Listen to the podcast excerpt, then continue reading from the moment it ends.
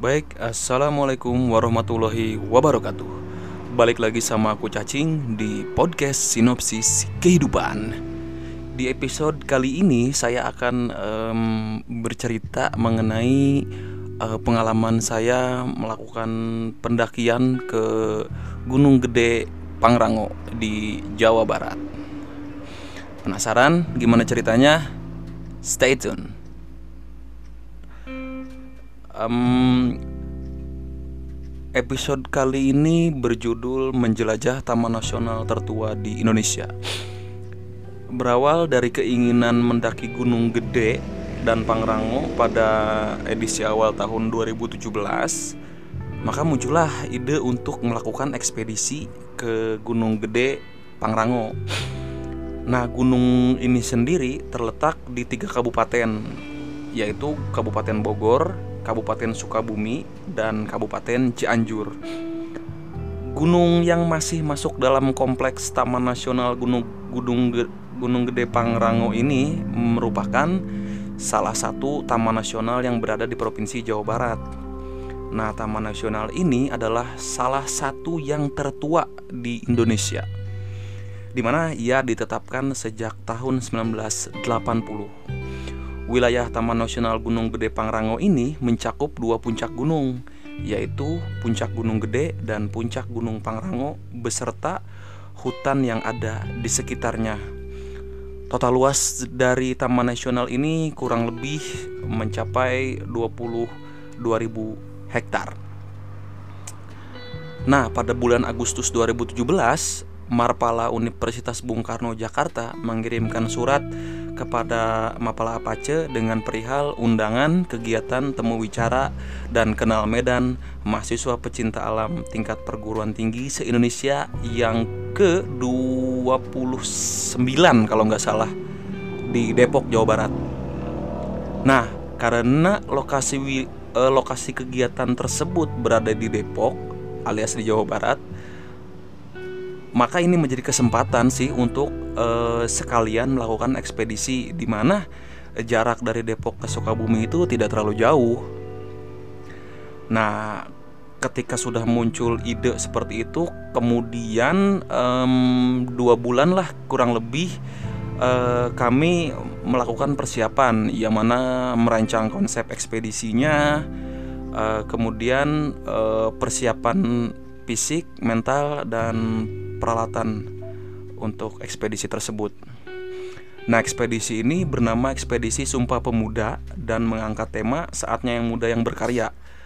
Dengan semangat Sumpah Pemuda 89 tahun silam, tepatnya pada 28 Oktober 1928, yang menjadikan motivasi kami, tim ekspedisi, untuk mewujudkan pemuda yang berjiwa tangguh Tujuan dari ekspedisi ini sendiri adalah untuk mendapatkan wawasan dan pengalaman baru tentang lingkungan hidup. Nah, eh, persiapannya itu selama dua bulan dan yang berangkat ke, ke kegiatan TWKM sendiri adalah saya sendiri eh, bersama eh, teman saya di organisasi saudara Rizal Akbar Togubu. Nah berdua berangkat eh, persiapan selama dua bulan itu kami habiskan sih untuk eh, yang pertama eh, untuk sumber dana ya. Untuk sumber dana sendiri kami eh, mendapat bantuan dari kampus kemudian eh, sponsorship juga yang mana ada yang dalam bentuk eh, uang maupun eh, yang berbentuk eh, peralatan. Seperti tenda dan alat-alat yang lainnya yang menunjang untuk uh, suksesnya acara tersebut. Kami ucapkan terima kasih juga kepada pihak kampus, kemudian pihak sponsorship seperti Camp Outdoor Service and Rent, kemudian uh, Oasis Adventurous Tough, kemudian ada dari koperasi BMT Hairul Amin, sisanya saya lupa deh. Uh, terima kasih banyak yang sudah mensupport kegiatan kami pada waktu itu.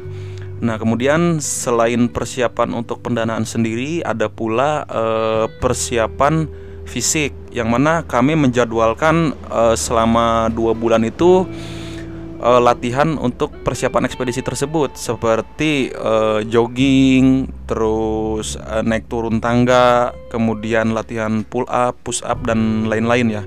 Yang mana itu dijadwalkan dalam seminggu kalau nggak salah nih ya sekitar tiga kali seminggu deh. Dalam seminggu itu beda beda-beda gitu ya uh, apa uh, latihan yang dilakukannya. Tidak itu itu aja gitu. Jadi divariasikan gitu kemudian eh, persiapan yang lainnya seperti administrasi macam-macam gitu ya seperti uh, tiket pesawat gitu ya terus uh, perizinan ke kampus uh, dan lain-lainnya itu kami urus juga dalam waktu dua bulan tersebut nah konsep yang yang kami uh, siapkan untuk ekspedisi itu sendiri karena momennya karena sumpah pemuda ya jadi kami melakukan uh, pendakian double summit. Jadi pendakian double summit itu sendiri adalah melakukan uh, pendakian dua puncak gunung sekaligus dalam waktu yang bersamaan. Nah, jadi kami uh, mempunyai target untuk uh, sampai ke puncak Pangrango duluan pada hari yang sama kami turun lagi dan kami muncak lagi ke puncak Gunung Gede. Begitulah kira-kira uh, targetnya. Kemudian uh, di setiap uh, di puncak gunungnya kami uh, mengucapkan apa ikrar sumpah pemuda.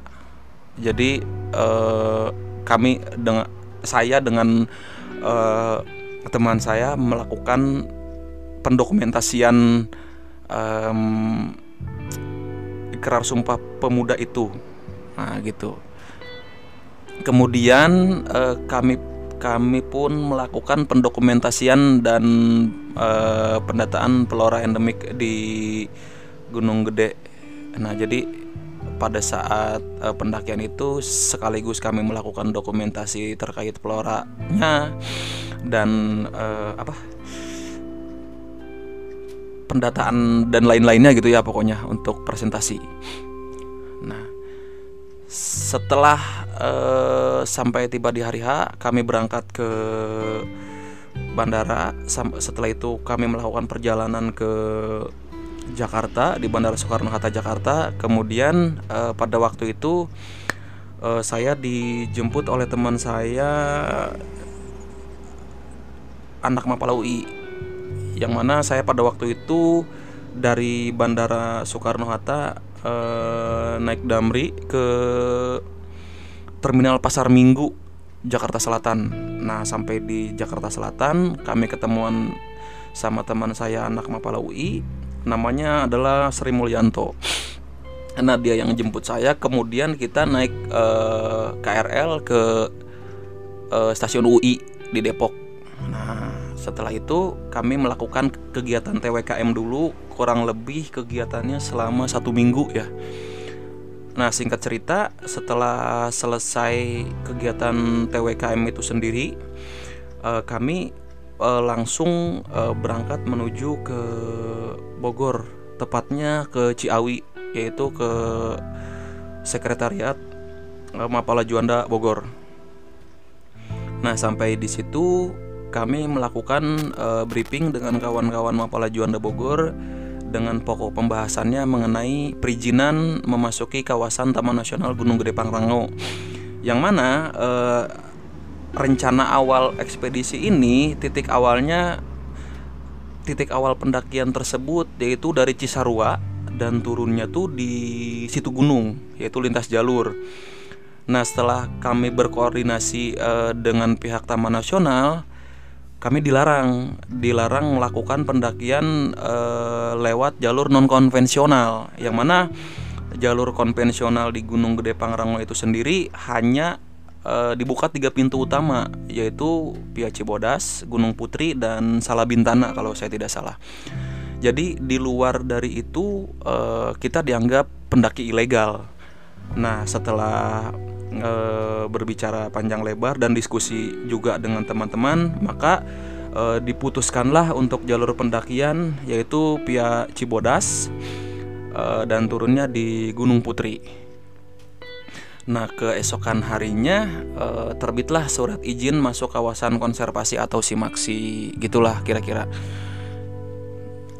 Oh ya, sebelum keberangkatan pun kami uh, berangkat ke BMKG eh sorry saya lupa namanya BMKG Citeko kalau nggak salah itu untuk uh, meminta uh, data perkiraan cuaca karena kami ingin mengetahui uh, bagaimana cuaca uh, yang kira-kira bakal seperti apa cuaca pada nanti saat kami pendakian. Nah, terus persiapan sebelum keberangkatan ekspedisi ya dari surat izin, peralatan, logistik dan lain-lain uh, sudah dipersiapkan dengan matang. Tepat pada hari Kamis 2 November 2017, kami berangkat uh, dari Sekretariat Mapala Juanda Bogor menuju menuju Cibodas. Jadi uh, selain saya dengan uh, rekan saya di di Mapala juga itu ada dua orang uh, yang membantu kami uh, di ekspedisi ini yaitu dua orang juga dari Mapala Juanda Bogor. Nah se setelah sampai kalau nggak salah sampai di Cibodas itu sekitar uh, jam 5 WIB atau waktu Indonesia Barat kami sudah sampai di Cibodas yaitu kami nginep di Pondok Edelweiss untuk uh, nginep dan persiapan besok pagi mulai pendakian. Uh, target eh, re rencananya uh, pendakian itu dimulai jam 9 pagi dan masuk dari pintu masuk Cibodas. Nah, yang menarik kalau pendakian di Pulau Jawa ini pendakian gunung itu dimulai dari uh, titiknya yang tinggi gitu ya tidak seperti di Kalimantan Selatan gitu. Kalau di Jawa Barat ini di Gunung Gede ini sendiri eh, Cibodas itu kaki Gunung Gede itu udah ketinggian 1250 mdpl. Jadi sampai ke puncaknya puncaknya kan puncak Gunung Gede kan 2900 ya kira-kira seribuan lebih lah gitu kita uh, mendaki. Nah kemudian uh, targetnya hari itu kita harus sampai di camp kandang badak di sore hari. Nah gitu. Jadi kita melakukan uh, pendakian mulai berangkat jam 9 pagi terus kita masuk di pintu masuk kita cek simaksi terus cek peralatan dan lain-lain langsung jalan. Nah pos pertama yang kami lalui yaitu Telaga Biru namanya di ketinggian 1575 mdpl Nah, telaga biru ini uh, sumber air ada ada sumber airnya gitu. Jadi di telaga itu uh, airnya kalau misalkan kena sinar matahari uh, berwarna biru dan sumber air di sini bisa dikonsumsi atau bisa diminum. Kemudian pos berikutnya yaitu pos kedua adalah pos Panjang Cangan di ketinggian 1628 mdpl. Vegetasi di area ini adalah tipe hutan tipe montana. Uh, kemudian di Panjangcangan sendiri ada persimpangan yaitu bisa kita ke puncak atau ke Curug Ciberem. Nah, kemudian uh, sampailah kita di pos berikutnya itu shelter air panas di keting sudah di ketinggian 2150 mdpl. Uh, di sini di, banyak sekali ya burung-burung yang terbang lah. Kalau tidak salah ada sekitar 251 jenis burung yang terdapat di daerah ini gitu. Kemudian uh, fauna yang endemik di Gunung Gede ini adalah wajawa. Kemudian lutung dan kalau tidak salah ada macan tutul juga di sini. Kemudian kami melanjutkan uh, pendakian di air panas, eh di shelter air panas sendiri kami hanya uh, rest sebentar aja karena uh, kita ngejar waktu ya sampai ke base camp kandang badak sendiri udah setelah sampai di base camp kandang badak oh ya sebelum di sampai di di base camp kandang badak ada tempat yang cocok juga untuk berkemah yaitu pos kandang batu di ketinggian 2200-an. Cuman jarak dari uh, kandang batu ke kandang badak ini dekat aja. Jadi kita memutuskan untuk di kandang badak saja. Kemudian di area kandang kita sampai kalau tidak salah jam 4 sore deh di kandang badak sendiri. Nah, di kandang badak juga adalah tempat terakhir untuk mengambil air sebelum summit attack. Kami mendirikan tenda di kandang badak. Kami terus memasak, eh, mendirikan tenda, terus memasak, terus briefing, lalu istirahat dan karena besok pagi sudah harus langsung eh, ke puncak Pangrango. Pagi itu cerah di ketinggian 2400 mdpl yaitu di kandang badak. Eh, kami berangkat ke puncak Pangrango sekitar jam 8 pagi dan hanya membawa alat seperlunya saja. Jadi uh, untuk tenda uh, dan lain-lain yang tidak terpakai di puncak Pangrango, kami tinggal saja di tenda. Karena kami hanya sebentar saja di puncak lalu turun lagi untuk berikutnya uh, ke gunung ke puncak gede ya. Jadi seperti yang kami bawa untuk summit ke Pangrango yaitu adalah kompor lapangan, nesting, terus kopi ya terus alat dokumentasi dan cadangan air. Sisanya kita kita tinggal.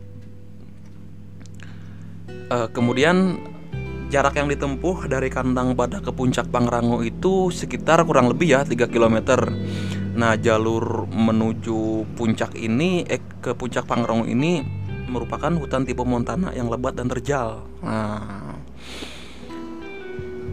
cuman ah, yang unik nih di puncak Pangrango pun uh, di sebelum sampai puncaknya kita sudah disuguhkan oleh bunga Edelweiss Wah, atau bunga abadi ya katanya. Nah puncak uh, kita sampai di puncak Pangrango sekitar uh, jam 12 siang. Pada waktu itu puncak Pangrango diselimuti kabut sehingga membuat udara di sekitar menjadi sangat dingin sekali. Wah, jadi langkah awal kita langsung uh, membuat kopi dong uh, supaya untuk menghangatkan tubuh. Nah, pemandangan yang disuguhkan di puncak Pangrango itu sendiri ya tidak kalah ada sama gunung-gunung lain hanya saja uh, puncak Pangrango uh, tidak terlalu diminati oleh pendaki karena memang uh, tidak seperti puncak gede ya yang uh, wilayah puncaknya itu uh, maksudnya itu terbuka gitu ya. Kalau di puncak Pangrango ini agak tertutup dan sangat kecil sekali uh, area puncaknya. Ketinggian puncak Pangrango sendiri yaitu 3019 mdpl dan menurut informasi adalah puncak Pangrango ini adalah gunung tertinggi kedua di Jawa Barat setelah Gunung Cermai gitu. Setelah itu kami hanya satu jam saja kalau tidak salah di puncak Pangrango jadi kita turun lagi ke kandang badak uh, jam satu deh kalau nggak salah jam satu siang kita turun lagi uh, kita mengambil alat di kandang badak dan kemudian melanjutkan perjalanan ke puncak gede setelah selesai eh setelah sampai di kandang badak kita langsung melakukan perjalanan ke apa ke puncak gede yang mana di puncak gede ada jalur yang sangat terkenal yaitu tanjakan setan namanya. Tanjakan setan ini merupakan jalur pendakian dengan tebing setinggi 30 meter dengan kemiringan nyaris 90 derajat.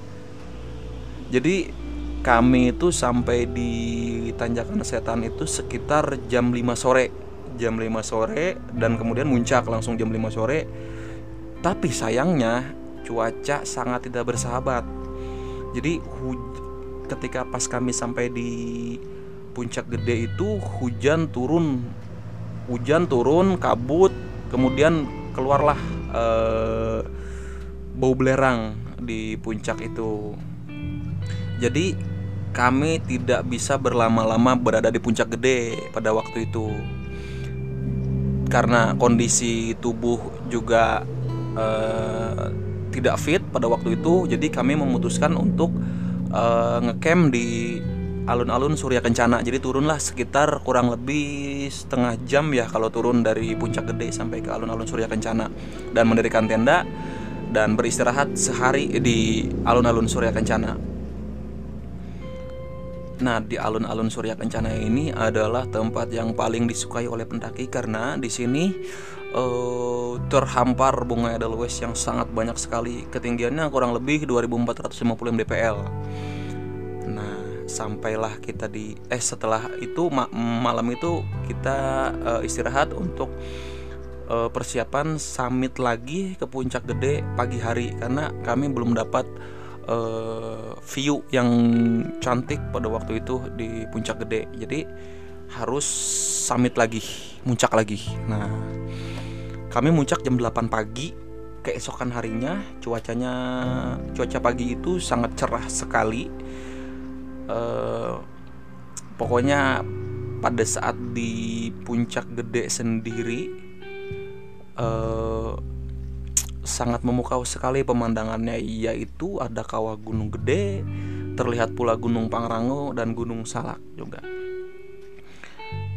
Set, uh, sampai di puncak gede jam berapa ya? Jam sembilanan ya.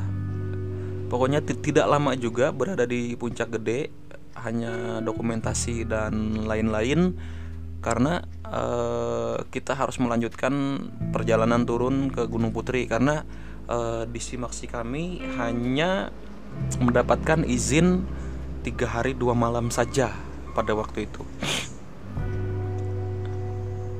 Sampai di mana lagi ya? Udah sam udah di puncak gede kemudian kami turun untuk packing lagi packing alat-alat di alun-alun Surya Kencana. Uh, setelah itu kita melanjutkan perjalanan untuk turun via jalur Gunung Putri. Nah,